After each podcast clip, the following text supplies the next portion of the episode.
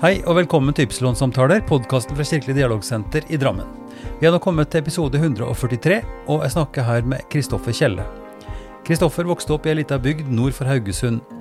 Oppveksten var prega av et aktivt ungdomsmiljø både i og utenfor kirkelig miljø. Han studerte i Oslo og tok statsvitenskap og historie før han begynte på Teologisk fakultet. Kristoffer var svært aktiv i Studentforbundet, og tok bl.a. del i det internasjonale økumeniske arbeidet. Han har jobba som prest i Oslo i nesten 20 år, før han fikk jobben som sogneprest i Fjell menighet i Drammen. Denne episoden publiseres på skjærtorsdag, og vi snakker om teologi, kirka i nærmiljøet, og hva vi tenker om kirkas betydning og plass i åra som kommer.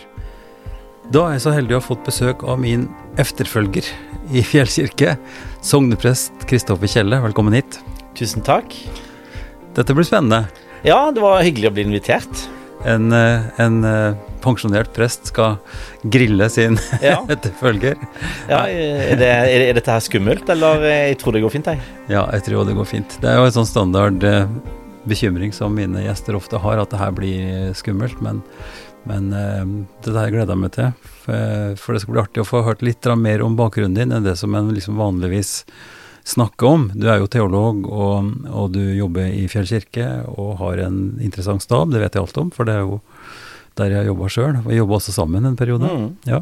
Du var jo del av staben på et vis, eh, helt fram til i, du ble pensjonist i vår. Ja, vi kanskje repetere det. Altså, jeg, jeg jobba jo som, som prest i Fjell fra ca. 2006-2007. Begynte da.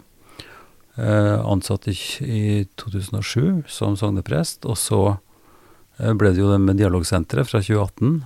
Og da var du allerede inne i bildet som kollega.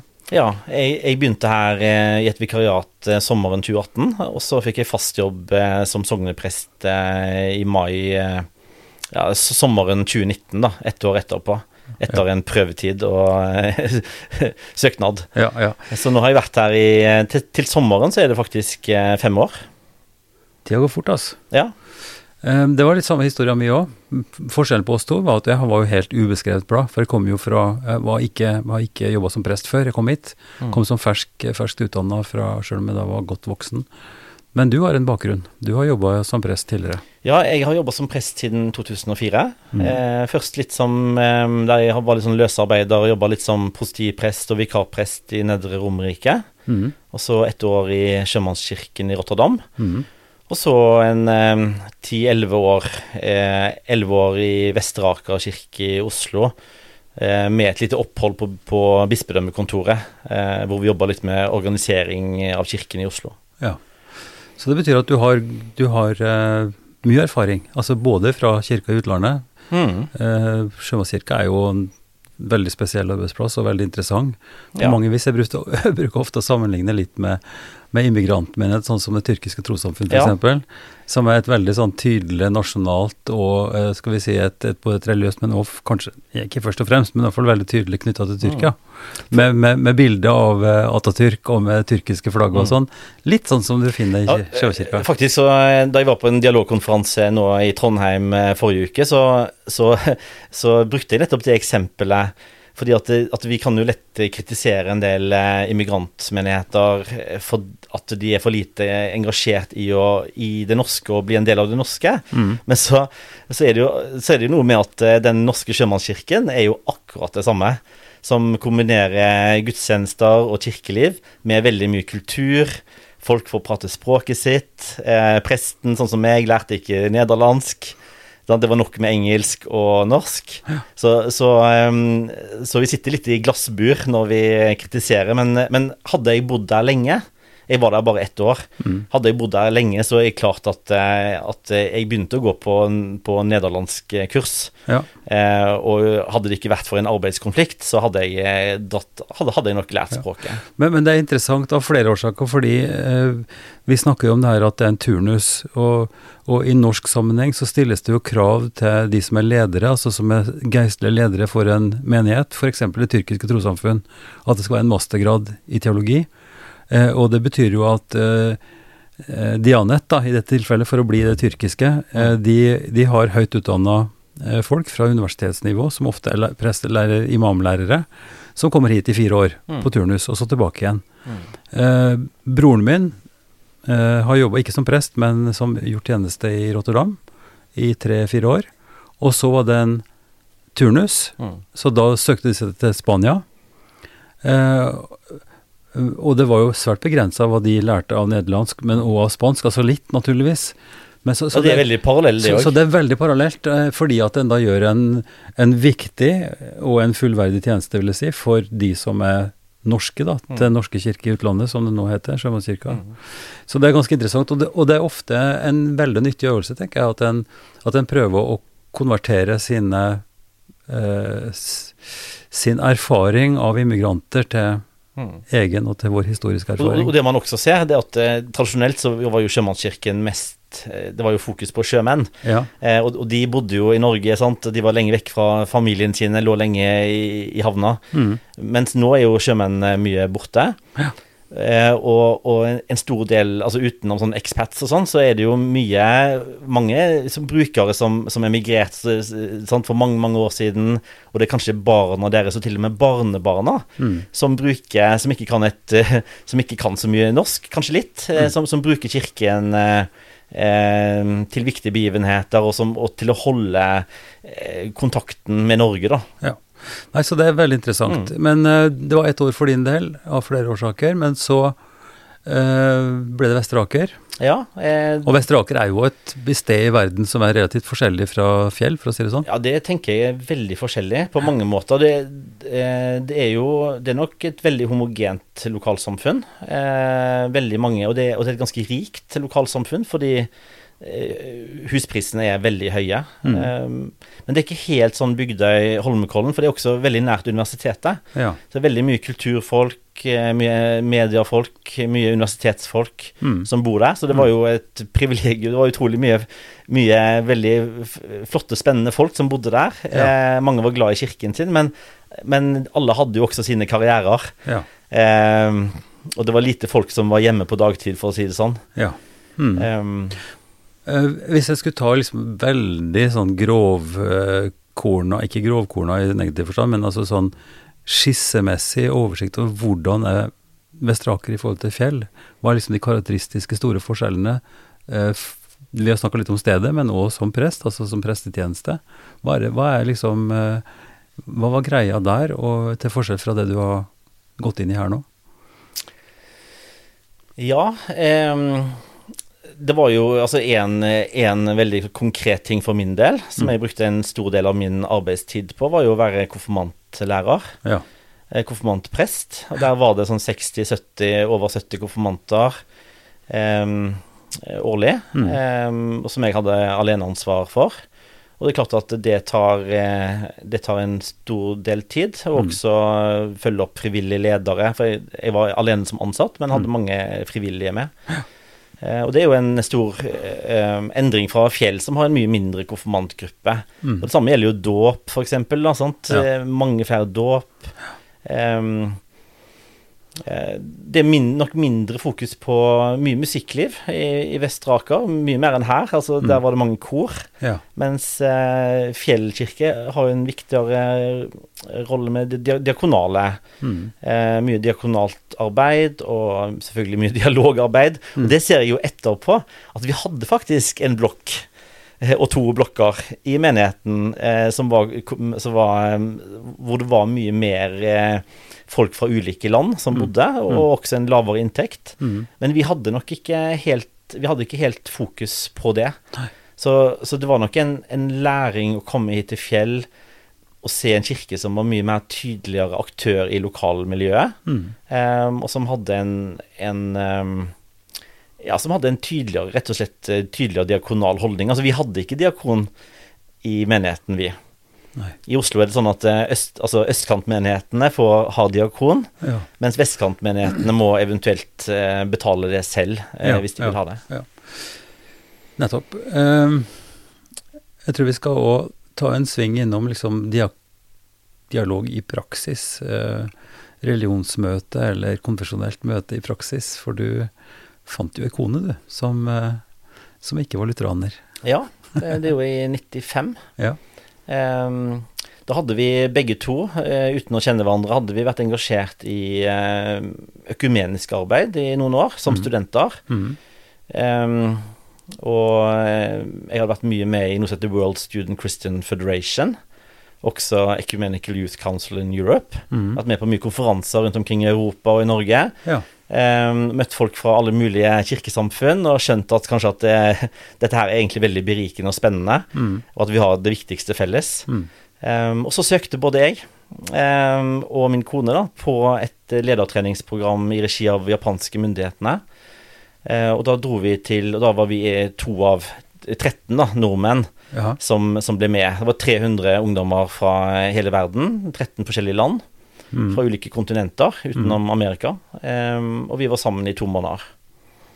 Og da, da var jo da var mitt, mitt første møte kanskje virkelig med et fellesskap eh, hvor, eh, hvor eh, det var eh, utrolig mange ulike religioner eh, og praksiser, og folk fra Bangladesh og Jemen og Tanzania og Japan. For det økumeniske som du snakka om i første omgang her i Europa, det var et, et kristent Ja, det var et kristent arbeid. Altså der flere ulike konfesjoner møtes og jobber sammen. Ja. Jeg si litt om det mer etterpå, kanskje. Men den japanske invitasjonen, eller det prosjektet, må du si litt mer om. Ja, eh, det det var nok eh, Japan som etter annen verdenskrig eh, hadde en interesse av å, av å komme mer, mer eh, Av å skape gode relasjoner igjen til verden. eh, Og kanskje også å la, eh, la sine egne unge, lovende studenter få møte folk fra ulike land i verden. Mm. De, så de mente at vi var sånn future leaders. Ja, ja, ja. Og og, og en, fra en del land så var det jo plukka ut av regjeringen. Mens fra Norge så var det fra frivillige organisasjoner. ja. Mm. Eh, så der kom vi ned, var to uker. Jeg var på fest hjemme hos eh, kom, dagens keiser i Japan, faktisk, og inviterte han til Norge. Jeg har Ja. vært hos eh, mange sånne, sånne statsministre og sånt. Men i ulike land. Ja. Men, men eh, ikke minst så hadde jo vi vårt eget program, Mm. eh, der, vi, der vi lærte om fred, lærte om å jobbe sammen. Og bodde hjemme hos japansk familie eh, blant annet noen dager. Men det her, det var ikke bare i Japan. Dette var en reise, det var en Ja. båt, var det ikke det? Jo, vi begynte to uker i Japan. mm. Eh, eh, og så dro vi av, av sted med en stor båt. Det er faktisk et cruiseskip. Aha. Eh, jeg visste ikke, dette var jo før internett sin tid, så Ja. jeg, visste, jeg trodde det var en sånn type Christian Radich-skip. jeg. Ja. Eh, men det var et cruiseskip. Eh, så vi dro til Singapore, altså Sri Lanka, Sør-Afrika, Tanzania, Dubai. Oi, oi, Og så var det tilbake igjen til Japan, men vi hoppet av i Dubai. Men da var det altså underveis eh, samtale, gruppearbeid, studier. Eller Ja. hva, hva, hva gikk det ut på? Nei, det var mye, det var mye workshops og forelesninger og seminarer. Det var med Ja. mange professorer om bord, Ja. og andre folk som hadde seminarer. Og ikke minst så var det jo mye samhandling mellom oss, da, så det var jo mye opp til hva vi selv gjorde. Ja, ja. Ehm, så det var virkelig en, eh, en erfaring med, med å møte folk fra veldig forskjellige kulturer. Men også, vi delte jo rom sammen, da, eller sånne lugarer. Eh, kom veldig nær hverandre. Mm. Så, så mange av de har vi hatt en del kontakt med etterpå. Eh, har vært, mange har vært på besøk i Norge, og jeg har vært i Japan etterpå. Ja. Eh, og der møtte jeg også min kone, Ja. eh, som var katolikk, Mm. eh, og vi ble kjærester. Ja. Det var mange som ble kjærester, men vi var blant de som holdt sammen i, holdt sammen i 25 år etterpå.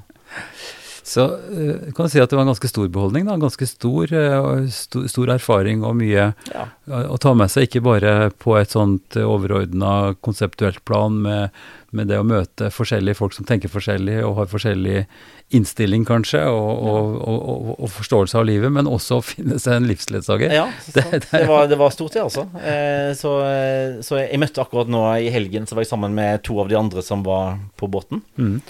Og det er jo, vi syns jo det, det er klart det er en erfaring som har prega oss, og som eh, vi, vi har fortsatt mye felles når vi møtes igjen i Trondheim Ja. eh, etter eh, ja, Det er ikke 25, det vel enda lenger.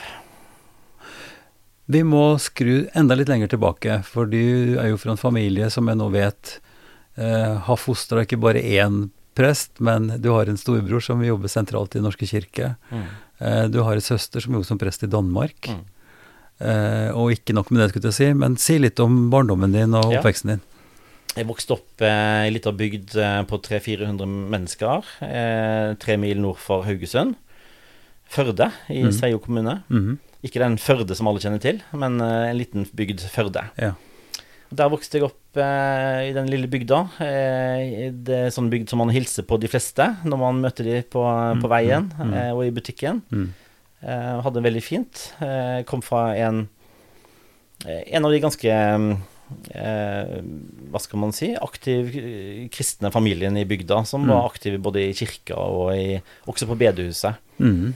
Eh, så jeg vokste opp med å gå på gutt, guttalaget, Mhm. der vi snekra. Ja. Eh. Var med i kor, Levende Ljos, Mm. barnekor. Eh, mora mi var søndagsskolelærer, og vi gikk i kirka. ja. Eh, hadde Og var, liksom eh, Det var en viktig ting. Mm. Eh, mora mi var klokker, og de var sånn aktive i, i kirka. Og samtidig så, så opplever jeg at eh, vi var del av det andre bygdelivet, da. Sant? Jeg var med i skolekorps, Mm. dansa leikaring. Mm. Eh, når jeg ble ungdom, så var jeg med på ungdomsdiskotek. Det var viktig for å liksom pleie kontakt med de i, i klassen min. Framsto det som en konflikt med det kristne miljøet? Nei, litt. Altså, jeg tror nok at mine foreldre var nok, eh, var nok eh, mer engasjert i å kjøre og hente meg på kristelige aktiviteter enn på ungdomsdiskoteket. Mm. Eh, men, eh, men de lot meg jo gå. Ja. Eh, det var viktig. Jeg var med i ungdomsteater i regi av ungdomslaget. Og der òg var de positive. Men Ja. de, var, de var ikke sånn veldig engasjert. De var nok mest engasjert i det kristne. Mm. Og var veldig glad for at vi hele tiden hadde at alle barna hadde solid eh, Var mye med på sånne eh, kristne ungdomsting. Og, og, og på Vestlandet så var jo dette store miljøer. ja. Sånn, det var med i store ungdomskor med 100 Og liksom mainstream, på ja, måte? 140 medlemmer i koret. Sant? Svære. Vi Ja. var liksom eh, 50-60 stykker på eh, lørdagskveldene på sånn eh, ungdomsforening. Ja, ja. eh, Der vi styrte alt selv uten noen voksne. Så det var liksom ikke Det var ikke preg av noen sånn minoritet eller, eller side, sidekultur? Det var liksom Jo, det var nok det òg. Ja, altså, ja. Det var jo klart at, eh, at det er jo et, det er jo et del av landet hvor, hvor det er ganske sånn skille mellom de kristelige og de ikke-kristelige. Ja. Samtidig så, når jeg ser på bilder fra søndagsskolen, Mm. så var jo de fleste Altså, de fleste i mitt kull var jo med på søndagsskolen. Mm. Men på ungdoms, eh, i ungdomstiden så var det jo med de som var mer eh, hva skal man si da, mer engasjerte. Eh, Mm. Det var, da var det mer de, de som var engasjert kristne som var med i ungdomskoret. Mm. Tenker jeg i hvert fall. Ja. Så uh, Hvor mange søsken var dere? Fire. Fire, ja. ja. Mm. Uh, men når du da begynte å bli større, finne ut hva du skulle drive med og sånt, øh, var det liksom strak av veggen at du skulle bli teolog? Nei, det var jo ikke det. Altså, Jeg hadde jo en, en storebror som, eh, som begynte å studere teologi, som nok var prega i sin ungdomstid. Jeg møtte andre teologer. Det, så jeg var, jo, jeg var jo kjent med at det var et spennende yrke. Eh, Mm. En av de nærmeste familievennene var jo sognepresten i bygda. Ja. Eh, kjente mange prester, så jeg visste at det var et spennende yrke. Mm. Men en liten ting faktisk i ungdomstiden, så, så, eh, var, så var jeg helt, helt tilfeldig. Eh, kom jeg med i et eh, mer karismatisk miljø i Haugesund. Ja. ja. Eh, Misjonskirken. Si litt om hva det betyr. Hva er, Nei, hva er karismatisk miljø? Karismatisk, det var jo at det var litt sånn pinsevennaktig. Ja, og, Og det var veldig fjernt fra, fra det jeg hadde og det betyr før. pinsevennaktig? Nei, det var mer sånn en lovsang, eh, sånn mer annen type musikk inn. Og, og ikke minst så var det jo eksempel eh, tungetale. Mm. Som jeg aldri hadde eh, møtt noen som holdt på med før. Eh, og, og En, en slags mer intens, mer, mer personlig engasjert form for tro, eller Ja, det kan du si at det, det var i hvert fall Lederne pusha veldig på at man skulle ha en veldig, veldig sånn enten-eller. Mm. Eh, og der var jeg med noen år. Ja. Og fikk en, eh, så en mye positivt. Eh, mye positiv erfaring, masse hyggelige folk. Mm. Eh, og jeg satt selv i, i benken der og, og ba til Gud om at jeg måtte også få tungetale, som alle disse, ja. disse som var mest inne i miljøet, hadde. Eh, og, det, og det gjorde jeg ikke. Nei. Men jeg, eh, jeg var god til å fake, eh, så jeg sa det litt de samme ordene. Det var, og det var ingen som oppdaga det. Eh, så jeg er nok et, et eksempel på en som eh, En som ikke hadde det altså, ekte, i hvert fall. Men som prøvde å, å, prøvde å liksom å bli en del av miljøet. Ja, det, det er jo kanskje en lærdom i det, altså en, en erfaring av at uh, det finnes en del sånne ytre kjennetegn på hvordan en skal se ut eller være eller oppføre seg for at den skal innafor. Ja, Altså der, der er var det nok veldig sånn at, eh, at hvis du var ordentlig innafor, så holdt du på med dette. Ja, og, og det betyr òg for en del sånn teologisk at det er forskjellen på å være ordentlig kristen og ikke. Altså det at du får såkalt Den hellige ånd på den måten at sånne ting ytrer seg, da. Ja. Altså, Jeg var nok aldri i tvil om at jeg var ordentlig kristen. Nei. Men jeg husker at jeg, at jeg en gang eh, kom hjem etter en sånn bibelgruppe, når jeg var sånn 15-16 år. Ja. Eh, og da eh, hadde det vært et eller annet som hadde skjedd, jeg vet ikke. Men i hvert fall så vekte jeg foreldrene mine på Ja. natta.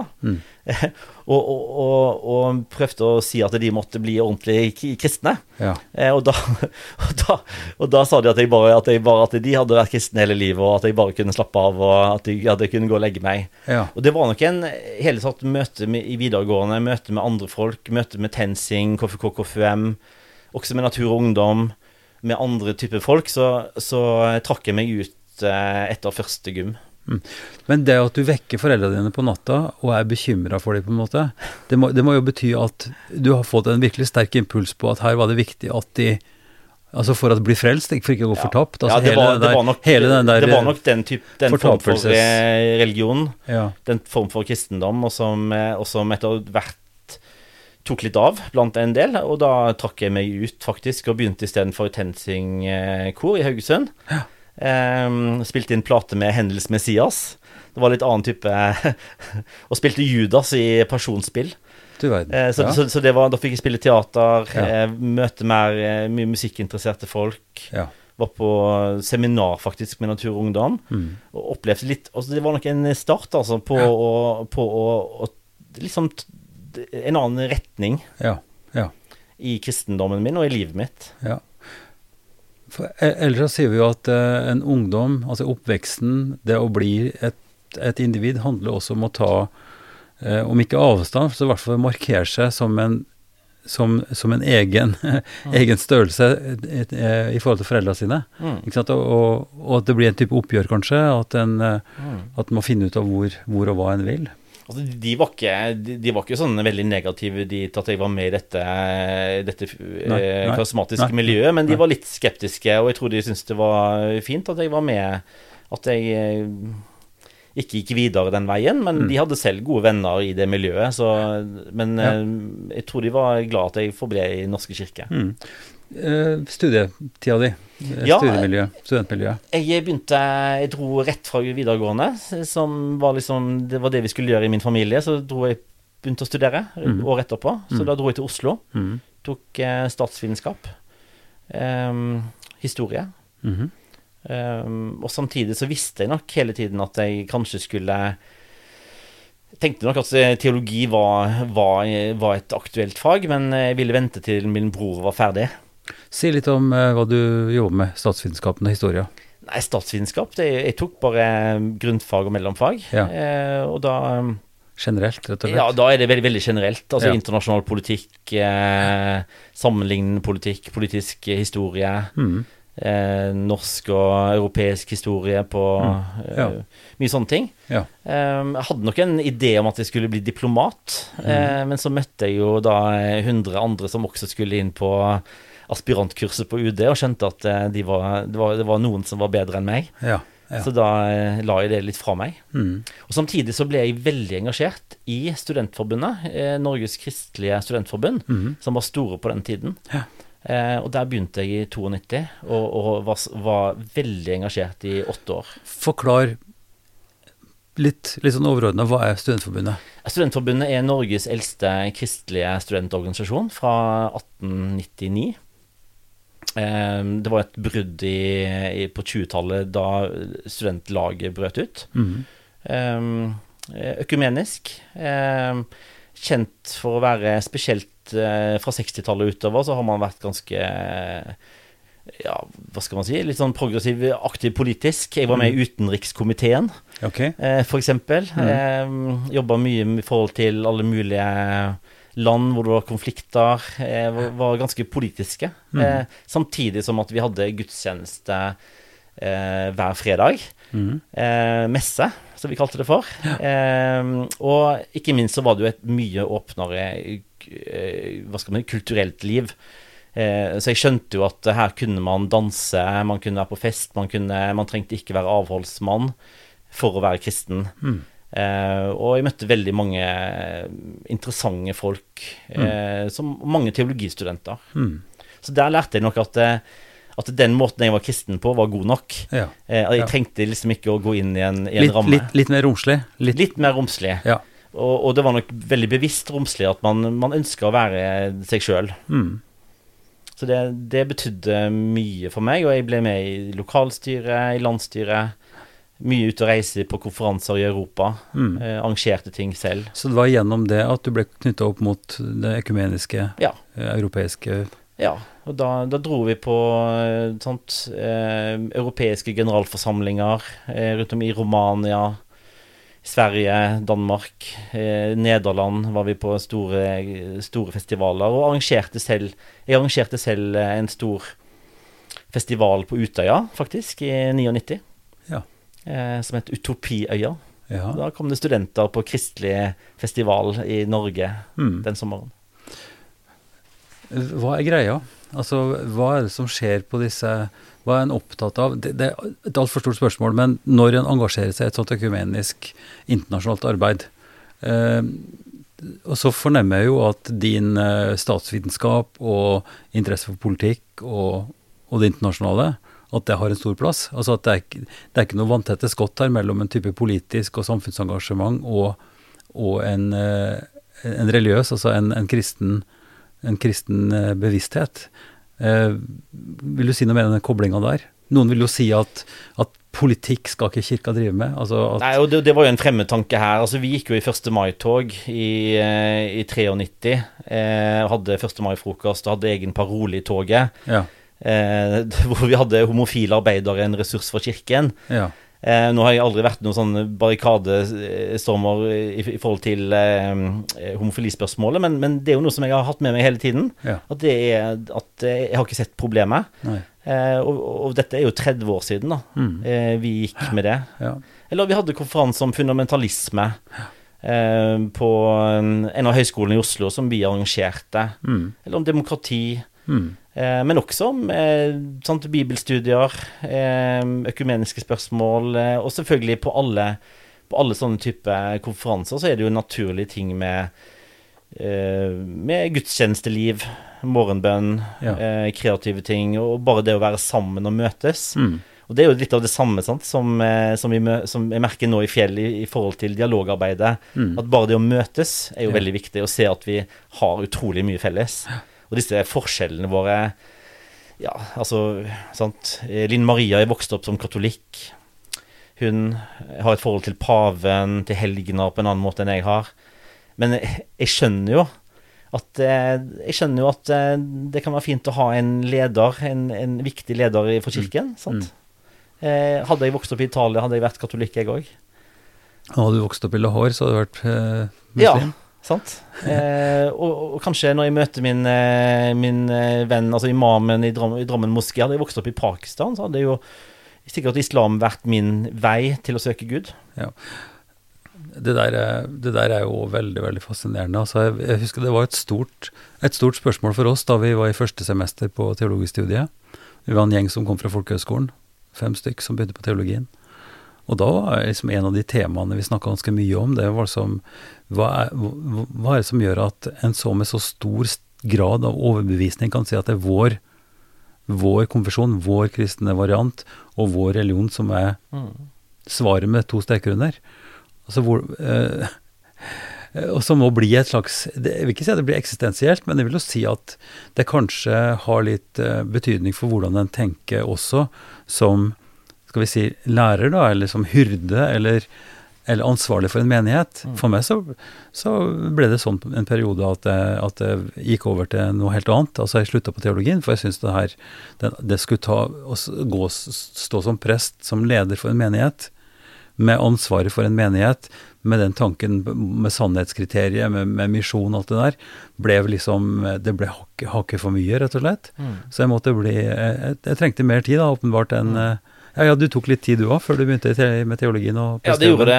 Det tok litt tid. Eh, jeg var vel eh, Men hadde du tenkt noe av de samme Jeg tenkte, jeg tenkte litt på det samme, samtidig som jeg tenker at, eh, at, eh, at jeg er veldig trygg på at for meg så er kristendommen på en måte sannheten. Mm, Eh, og jeg tenker at, at jeg har forståelse for at kirken ser på sant? Holder frem kristendommen som, som, som eh, sannheten, da, som, Mm. som veien Mm. til Gud. Mm. Eh, og, og, og, og som den beste rammen for, for livet vårt her, Mm. eh, for oss mennesker. Men Mm. jeg tenker jo at, eh, at Gud er jo større enn kristendommen.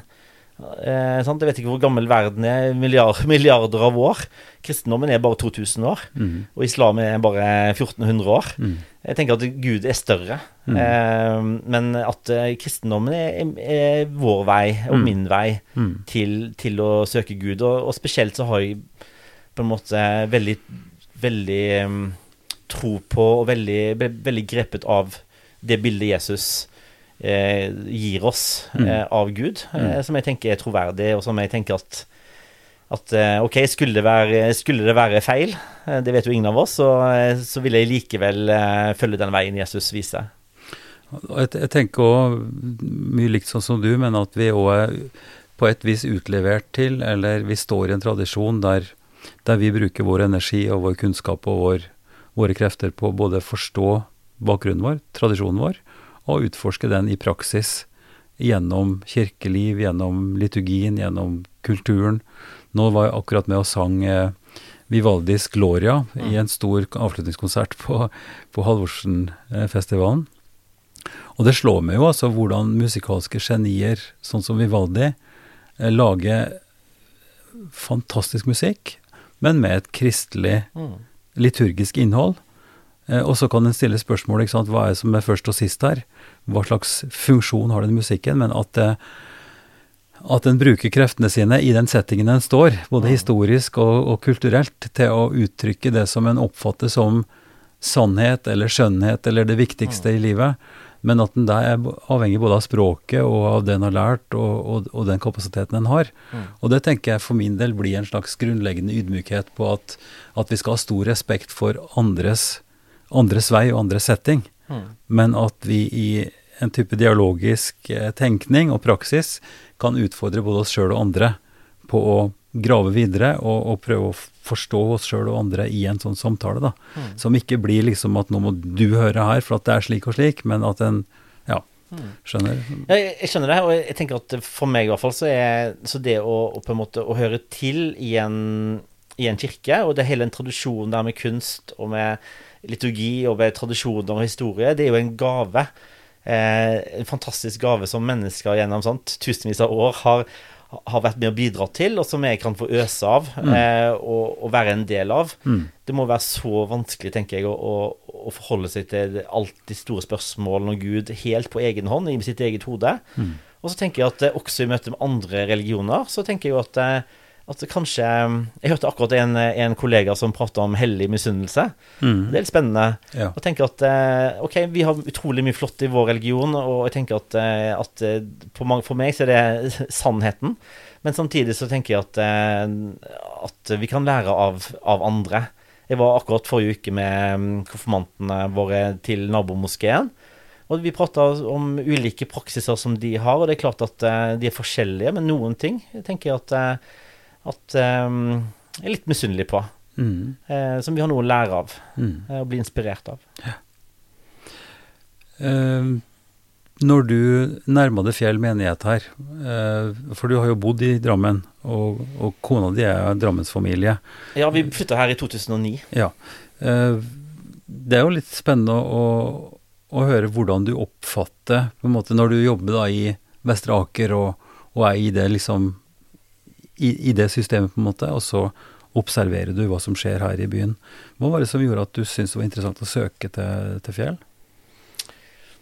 Jeg hadde jo, eh, hadde jo mest bodd nede i byen, eh, i hvert fall de første årene her, og, og eh, engasjerte oss mest litt i Strømsgodset, litt, bitte litt, og litt grann i Bragernes. Mm. Men jeg var, jo, jeg var jo prest i Oslo, så, så, så det var ikke helt anledningen for det store engasjementet i kirkeliv. Nei. Men jeg hadde jo hørt, hørt om Fjell, eh, altså hørt positive ting. Mm. Um, fått noen tips eh, om at Fjell var spennende. Uh, samtidig så er det jo noe med at Fjell kirke ligger jo på fjellet, altså det ligger jo på høyden. Ja. Så det var ikke der jeg gikk forbi mest. Um, men jeg var oppom en, en dag og, og hørte om uh, Det var på en utstilling, de ikonutstilling. Eh, og da, da fikk jeg jo se litt um, eh, litt den måten man var kirke på eh, der oppe. Og det var jo, gav jo mersmak. Så jeg, hadde det med, jeg ga vel beskjed til prosten om at eh, jeg godt kunne være positiv, at jeg, var, at jeg måtte få beskjed hvis det var noe på fjell. Mm. Og det, det kom jo da i 2018. Ja, og så har tida gått. Eh, Kristoffer, du har mm, ikke bare jobba det, men du har blitt en del av vil jeg si, en del av eh, det arbeidet som skjer der. Både med det kulturelle. Vi snakka jo litt sånn overfladisk om at kanskje var det ikke så mye musikkliv på Fjell, men, men Kulturkirken Fjell har jo markert seg. Eh, og nå sist år så var det jo Da var det re rekordmange kulturarrangement. ja. Eh, og om vi ikke har kor Altså, vi har jo barnesang, Mm. som er veldig fint. Mm. Og de er med å synge på gudstjenestene. Men og Vi har mange solister med. Men eh, vi har mye, mye Vi arrangerer mye konserter. Mm. Å være prest på Fjell, det er jo eh, en allsidig oppgave. Så jeg er jo også konsertarrangør, Mm. eh, og veldig mye mer. Mm. Eh, og det tenker jeg, og det å åpne opp kirken for, eh, for fine konsertopplevelser i drabantbyen, Mm. tenker jeg er veldig meningsfullt. Mm. Eh, og det kommer nye, nye folk inn. Det, det nye i, i fjor var jo at vi begynte også med konserter på dagtid, Mm. som vi kaller for Møteplassen. Også det er jo en veldig, eh, veldig flott tilbud, kombinert med lunsj, altså litt diakonale, gratis. Eh, og, og jeg tenker at nye, nye folk oppdager menigheten. Oppdager at det er et, et, et, flott møtested. Og kirke. Mm. Eh, og så er du jo nesten forplikta, kan en si, sjøl om du ikke nødvendigvis eh, Eller sjøl om du ikke ville hatt den dialogiske bakgrunnen som du åpenbart har, så, så er jo Fjell også eh, har fått, og på en måte rettmessig kanskje, blitt en, et sted for dialog, for religionsdialog. Og du har også valgt å gå inn i styret i Drammen Omme Tro- og Livssynsforum. DOTL, som vi sier. Ja. Kan du ikke si litt om engasjementet der, og hva du tenker er viktig med, med, med kirka sin deltakelse i det dialogarbeidet der?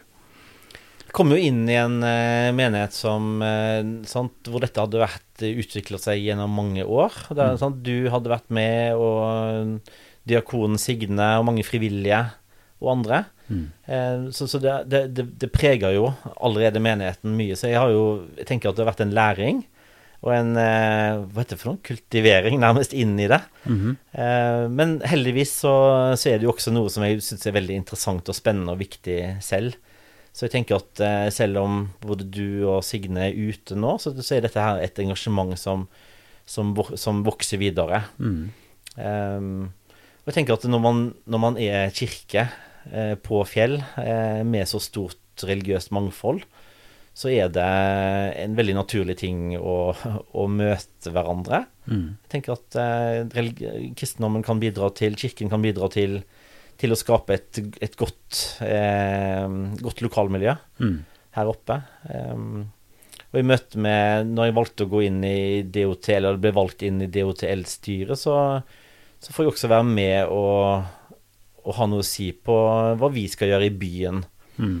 Um, og for så vidt også eh, i, i landet. Ja, ja. Eh, så, så jeg tenker at eh, den konferansen som jeg var på nå i Trondheim med denne dialogkonferansen hadde jo det livssynsåpne samfunn, dialog eller polarisering som overskrift. Mm. Og jeg tenker det er et viktig tema også å jobbe med lokalt, og skape gode vilkår for, eh, for eh, eh, de ulike religiøse organisasjonene, kirkene, moskeene, templene Mm. her i byen, men Mm. også i et godt sånn samvirke med byen. da. Eh, så jeg er veldig glad for f.eks. ordføreren vår valgte å invitere oss til et møte sammen med frivilligheten neste uke. Mm. Sant? Og snakke om hvordan vi sammen kan, eh, kan jobbe for å, skape en bedre by. Og da tenker jeg at, eh, at eh, trossamfunn og livssynssamfunn er en viktig del av det. Mm.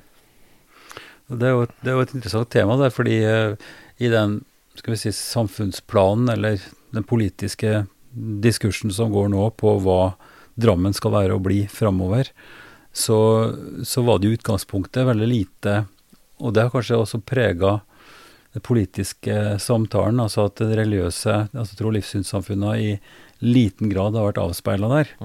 Uh, Sjøl om kommunen har et, et faktisk eh, samarbeid med Norske kirke spesielt, da, fordi at den får støtte direkte fra kommunen, til Mm. forskjell fra de andre, så har det vært en slags forlegenhet eller en slags mangel på skal vi si, eh, å sette ord på den funksjonen som trossamfunnet har i, i politikken og i samfunnslivet. Mm. Men det har vel kommet inn bl.a. med DHTL som impuls, og, og dialogmiljøet i Drammen som impuls, at det her også er en Det bør uttrykkes. Eh, og på en måte eh, verdsettes eller bevisstgjøres, da. At det her er, at det her er viktig, og kanskje Kanskje i enda større grad framover, altså det er frivillighet og sånn mm, i enda større grad enn nå kanskje bør bli en veldig aktiv faktor i velferdsproduksjonen og i det som preger samfunnet. Jeg vet Mm. ikke hva du tenker om det? Nei, jeg tenker at det det er, en, det er, en selvsagt ting, tenker jeg, iallfall i, en, eh, i en kommune at eh, eh, tros- og livssynssamfunn eh, hører naturlig med. Eh, det kan jo være at man har hatt en forlegenhet med at man har gått fra en, fra en tid sånn for lenge siden hvor man mest hadde en sånn en fast organisatorisk forhold til til Den norske kirke, sant? Eh, og nå er, det, nå er det fritt. Sant? Nå er det ikke lenger, lenger disse båndene, selv om de fortsatt eh, finansierer deler av det. Um, men jeg tror også det er, en, det er en forlegenhet og en usikkerhet i forhold til sant, forkynnelse. Sant? Um, kan vi samarbeide med tros- og og livssynssamfunn? Eh, eller vil de, vil de bare misjonere? Kan vi bruke gjøre det? Mm. Jeg tenker jo Det samarbeidet vi har med kommunen om, om disse formdagskonsertene, er jo et eksempel på et veldig nært eh, samarbeid, eh, hvor vi jobber sammen med kommunen. Vi står som arrangør eh, for konserter i kirken. Og jeg tenker at det er bare vinn-vinn for, eh, for alle. Og spesielt i en så flerreligiøs og flerkulturell by som Drammen, så, vi er, jo, så er det jo et faktum at eh, er det noen som er blant de mest religiøse av oss, så er det jo folk som kommer fra andre typer kulturer og, og, og land. Eh, og jeg tenker at Ønsker man å, å, å ha en god kommunikasjon med nye innbyggere som kommer til landet så, og i byen, så, så er jo veien å gå Mm. Og samarbeide. Og samtidig kan jo dette, et nært samarbeid, også, også bidra til å, til å utfordre de, de menighetene som er lukka, eh, og som er negative. Mm. For det er jo klart at det er jo ikke all religion som er positiv. Altså, altså det, er jo, det er jo også trossamfunn som, eh, som, eh, som er for lukka, som er for strenge, som bidrar til å ikke eh, komme sammen. Eh, og de, de kan jo få en eh, De trenger også en, en type kontakt for å åpne seg opp. Mm. Eh, I, des, I den konferansen som, som du henviser til, den nordiske dialogkonferansen i Trondheim, så var jo temaet det, eh, det her med livssynsåpent, som er et relativt nytt begrep. Det jo Sturla Stålseth som leda arbeidet med den utredningen som leder fram til ny, ny eh, lov for tro- og livssynssamfunn, som på en måte fant på det begrepet. Og da er det satt opp imot, og kanskje til kontrastert til livssynsnøytralt. Mm. Og begrepet nøytralt er i utgangspunktet et hedersord. For nøytralt det betyr at da, da er det likt, det er på en måte likebehandling som er ideen der. Men hva er nøytralt? Nettopp. Og det er jo noe av spørsmålet, og kanskje noe av det som er ymta frampå om, at det kan være en slags forlegenhet og, og forsiktighet, fordi en tenker at det å ikke snakke om religion, det er ikke forholde seg til det, gir uttrykk for en slags nøytralitet. Eh, mens, mens det livssynsåpne da er et forsøk på å si noe om at her er det legitimt og fint og betydningsfullt at, at det faktisk er åpenhet om hvor en står på en måte eksistensielt, tros- og livssynsmessig. Mm. Eh, og, og det her har jo Jeg tenker det har vært en, en, både en debatt og en interessant eh, utveksling på hva, hva det betyr, og det var jo konferansens tema. Hva, hva er det som ligger i livssynsåpent? Eh, og jeg vet ikke om du, om du vil si litt om det i forhold til vår lokale debatt her i Drammen. altså Hva, hva er det som er problematisk med at det er livssynsåpent i forhold til, til nøytralt? Er nøytralt en bedre kategori, syns du? Altså livssynsåpent eh, altså En av de tingene Det, vil jo gå grenser der også. Altså Livssynsåpent handler jo om at vi, samfunnet og kommunen og, storsamfunnet eh, heier på, på eh, religiøsitet. Sant? Og tros- og livssynssamfunnet sier at dette dere gjør, er positivt for byen. Eh, samtidig, sant? Og, og det er en åpenhet for at man også kan oppleve at, at man ikke trenger å gjemme seg bort, da. Samtidig så, på den konferansen så var det f.eks. også en eh, representant fra Human-Etisk Forbund som var til stede. Hadde et foredrag. Eh, Bente Sandvik, var det vel. Eh, og hun problematiserte jo også at det er jo en sant, altså, Ok, man, man skal tåle å se oppleve religiøsitet og religion. og trosutøvelse. Eh, men samtidig så er det jo også en, en type grense for hvor, hvor, offentlig og hvor åpent Det, det handler jo også om, om, å beskytte de som ikke ønsker for mye av det mm. i det offentlige rom. Eksempel, jeg ser for meg en type det er ikke sikkert at, skal, at, at, det, at, det, at, det, betyr at man skal ha eh, store eh, kristne eller muslimske møter på torget i, i, Drammen. At det blir for mye på en lørdag. Det blir for mye livssynsåpent, tenker jeg da. Mm. Vanligvis. Mm. Men, men, eh, men, men, man må tåle en del. Tenker jeg iallfall. Mm. Um, og så en annen ting som ble tatt opp på um, Eh, på konferansen, det er jo også dette med forskjellen på, på uh, uh, uenighetsfellesskap og at, man skal være, at, at, at, målet er å bli enige hele tiden. Mm. tenker jeg også i forhold til, til, byen, og i forhold til når vi jobber med dialog her i byen, så, så er det jo ikke et mål eh, å på en måte tenker at vi skal bli enige, at vi skal lage en suppe av alle mulige trossamfunn og religioner. At vi skal alle skal bli enige om disse fine, eh, fine verdiene. Men vi, vi skal også, også, få lov til å være uenige, mm. eh, og tenke at det, det er greit. Det, fremtiden i Norge er at, handler om at vi, vi er mange forskjellige mennesker, og at vi kan ha ulike tanker om mange ting. Og så er det kanskje noen verdier som vi må kjempe hardere for å være enige om. Det er kanskje en eh, fornuftig analogi å snakke om politikk her, da. Fordi det må jo være sånn at de ulike politiske partier har ulike eh, retninger, ulike verdier kanskje i bånn. At, at, den er forskjellig som politisk retning, politisk ideologi, politisk eh, prosjekt. Mm.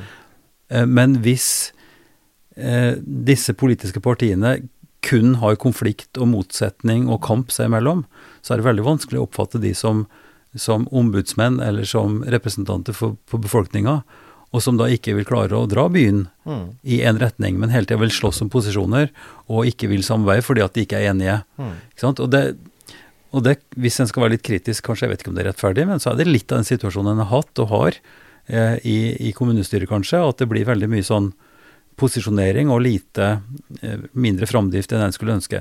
Dette her kan jeg si fordi at jeg ikke er politiker, jeg har en veldig veldig sterk eh, respekt for politikere, men, men, i hvert fall som en analogi til tros- og livssynsfeltet. Mm. Hvis det er slik at hvert enkelt trossamfunn, hvis kirka, hvis moskeen, hvis templene, Humanitisk Forbund sitter på hver sitt hue og bare kaster stein på hverandre og kritiserer hverandre, så er det vanskelig å kunne bidra positivt til til samfunnet, mm. men at en faktisk har en slags felles visjon om, om at, at en står sammen om de mest grunnleggende ting som handler om, om trygghet for barna våre, om arbeidsplasser, om ja, og det, og, det, tror jeg vi står felles om, på en måte. Ja, altså, jeg tror ja. at eh, Når jeg møter folk fra andre religioner, kulturer og sånt, man har et ønske om å ha et godt liv her. Sant? Mm. Ha gode naboforhold, eh, mm. ha trygghet, god skole ja. osv. Og så, og så mm. tenker jeg at eh, så er vi uenige om en del ting, sant. Mm. Eh, og det tenker jeg at vi kan være, leve godt med å være uenige om. Og mm. så må samfunnet finne ut men, men, kanskje samtidig verne om, om at, at, at, noen kan få lov til å ha sine, sine særegenheter på, på, noen ting. Altså Man må ikke presse folk for mye til, til å, å, på, en måte, på død og liv å bli enige om alt. Eh, men jeg tenker jo at for eksempel altså En av de tingene man prater om med det livssynsåpne samfunn, det er at min, at, at min, min frihet eh, stopper. Sant? Altså min frihet til, til religionsutøvelse stopper der, eh, der, den tråkker på andres Der den tråkker på andre. Mm. Eh, så, så, så, det må jo være noen grenser, ja. Ja. tenker jeg. Mm. Eh, du er jo nå leder for Altså Så fint heter det åndelig leder, eller du leder Fjell og Austad menighet. Austafjell menighet, som er den riktige rekkefølgen. Uh, inn i et år der det er 40 års markering ja. for, for Fjell kirke. Da Fjell kirke Nei, i 2024. I 2024, mm. ja. Ikke sant. Ja, nå er vi 23, men neste år. Mm. 2024. Uh, ehm, og da er det kanskje interessant, i hvert fall det, det, er spennende å høre hvordan en kan tenke nå i, i en uh, i en by og en bydel og i en historie eller en situasjon som, eh, som preges av eh, at eh, noen vil si at kirka mister fotfestet, at det blir færre som døpes, det blir, det er mer Ja, det er tyngre, kanskje. Jeg vet ikke om det er riktig, altså statistisk sett, men, men det tyder på at det er noe tilbakegang. Så, så det jeg vil egentlig spørre om, eller det jeg ber deg reflektere litt om, det er hvordan en kan tenke at kirka ikke bare eh, skal overleve, men hvordan kan kirka både overleve og ha en misjon og en funksjon i et bysamfunn og i en bydel i de neste 20 åra. Gitt omstendighetene vi har rundt oss, ikke sant, med, med spen ge geopolitiske spenninger og miljø og, Mm. og det, det der er naturligvis et altfor stort spørsmål til å ta veldig kort, men, men retninga, hva er det du tenker som strateg og som, som sogneprest nå for Fjell, hva er, det, hva er retninga, syns du? Jeg tenker at vi eh, allerede er på sporet av mye. Altså det å skape At vi, er et sted hvor eh, folk eh, opplever det meningsfullt og, og godt å, å være, komme. Oppleve påfyll i livet sitt, både åndelig og kulturelt. Mm. Eh, et sted hvor vi feirer gudstjeneste jevnlig hver uke. Jeg har nok veldig Altså, jeg så på denne statistikken nå fra Den norske kirke, og jeg ser at det er nedgang i, i noe tall. Mm. Eh, og sånn har det jo vært noen år, og spesielt etter korona så har det ikke gått helt opp igjen. Mm. Eh, og det er jo en utfordring. Eh, jeg tenker jo spesielt i forhold til eh, at det er mindre selvfølgelig å døpe barna. Eh, at det er mange medlemmer som velger å ikke døpe barna, er en utfordring. For det betyr jo eh, Det betyr at, det, at mange barn vokser opp uten en religiøs tilhørighet på samme måte som før. Men jeg har tro på kirken. Jeg tenker at den har holdt, i 2000 år, og jeg, jeg tror at også i en by. Så jeg tenker at vi har, vi har, eh, at vi har eh, tiden foran oss. Kanskje spesielt i den tiden vi går inn i nå, eh, eh, med klimakrise som ligger foran oss, sant? med uro i verden, eh, med stadig kanskje en oppvåkning av at det materielle ikke er eneste lykken i, i verden, men sånn, vi har fått metta litt det behovet, og ser at kanskje det er andre ting som er viktig. Eh, da tenker jeg at kristendommen har, har mange mange gir en vei, en retning, Mm. Som, kan, eh, som kan være en, en kjempeflott ressurs eh, i den tiden også vi går inn i. Så tenker jeg jo at eh, akkurat vi er jo en menighet hvor det er veldig mange kristne fra andre kirkesamfunn. Og jeg tenker jo veldig at vi, at vi nok må bevege oss eh, i en retning hvor vi kanskje kan, eh, kan inkludere folk fra flere, med bakgrunn fra flere eh, kristne eh, kirkesamfunn inn i vår menighet. Det er allerede en del som er med, men jeg tenker at eh, det er altfor mange som som kanskje medlem i en menighet i Oslo f.eks., eller langt unna, mm. som, som har lyst til å, å være med i en menighet lokalt. Eh, og kanskje ha et engasjement begge steder. Mm. Jeg tror jeg kan være veldig berikende for, for menigheten eh, også. Og så et, et annet sted hvor vi skal åpne opp nå, er det at vi har begynt å ha noe vi kaller for helgudstjenester. Eh, hvor vi, hvor vi eh, nettopp, altså i møte med noen i menigheten her som hadde sånn, utviklingshemma barn, som, som sliter egentlig med å, å, å finne fellesskap og steder eh, i byen eh, hvor, hvor, som, som har plass for dem, eh, og som er gode for dem, stabile. Opplever at kirken er et sånt sted, eh, og som har tatt veldig godt imot kirken, og vi har tatt godt imot de, Mm. og som nå har eh, blitt en, en del av, av arbeidet i Fjell. Så nå begynte vi i januar med å ha noen hele noen, noe, noen gudstjenester som er spesielt tilrettelagt Mm. for, for alle, da, også folk med utviklingshemning. Mm. Eh, al alvorlige utviklingshemninger. Og, og um, det vi opplever, det er jo at eh, alle syns jo det er fine gudstjenester. Mm. Så det, så det å skape mer inkluderende, åpne, kanskje litt enklere gudstjenester, det tenker jeg er noe som, som mange setter pris på. Og så kan heller de som ønsker noe, de som blir provosert av det, gå et annet sted. For det er nok av kirker her som, som har andre typer gudstjenester. Eh, For 40 år siden så var jo så var det jo en skal vi si, politisk og praktisk strid rundt det om en skulle ha kirke eller om en skulle ha et samfunnshus her oppe. Ja. Eh, og Nå fikk du jo begge deler. ja, det kan du si av at det var altså, mange frivillige og sånt som virkelig brant for å få et kirkerom, og, og at det etter hvert òg ble, ble, rom for det økonomisk og praktisk, og politikerne godtok det. Men så er det som du sier, kanskje er det slik at den har fått både i, i pose og sekk, på en måte. Altså at det er et gudstjenestested, men når du snakker om helgudstjenesten og, og gudstjeneste for, som er mer åpne og tilgjengelige og sånt noe, så, så tenker jeg jo at visjonen for Fjell kirke er at Fjell kirke er et møtested for alle. Altså en fastslår at Fjell kirke er et møtested for alle at det også impliserer det som du har snakka mye om, og som, som, jeg tror er viktig, at, at kirka også blir en arena for å, å, å kunne møtes der, sjøl om en ikke er et gudstjenesteaktivt uh, menneske. At det er et sted for uh, møte, møte, samtaler, aktivitet, felles innsats på en måte for samfunnsviktige og menneskelige ting. Mm.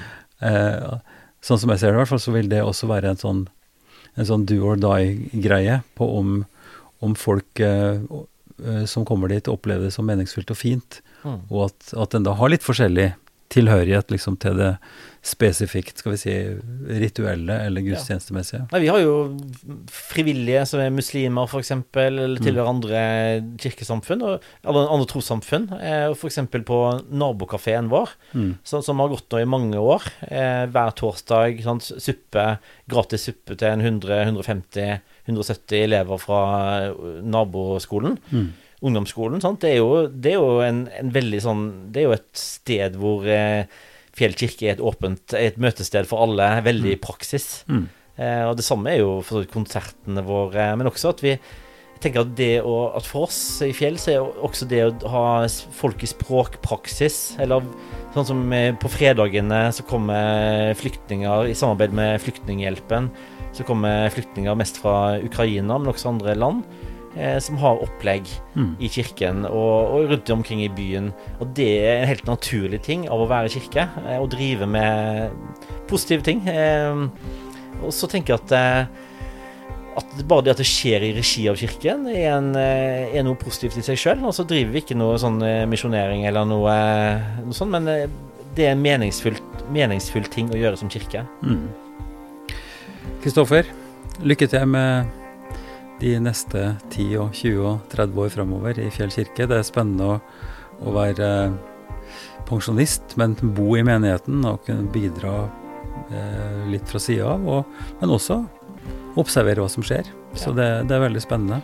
Og som prest så er du jo du er jo prest hele livet selv om du er pensjonist. Sånn er så du er jo hjertelig velkommen til å, være, til å komme bort og være prest og være vikar av og til. Tusen takk for en fin samtale. Ypsilon-samtalene produseres for Kirkelig dialogsenter i Drammen av Ivar Flaten. Og det er jeg som eh, har redaktøransvaret, og, og som produserer episodene. Podkasten er støtta av Drammen kommune, av eh, Barne- og familiedepartementet og av Einar Juels legat. Vi ønsker svært gjerne innspill på hvem som kan være aktuelle som eh, samtalepartnere Gjerne også med temaer til hva dere syns kan være interessant å høre om. Gi gjerne beskjed via mail til ivar krøllalfa ifd.no. Altså ivar krøllalfa ifd.no. Vi høres.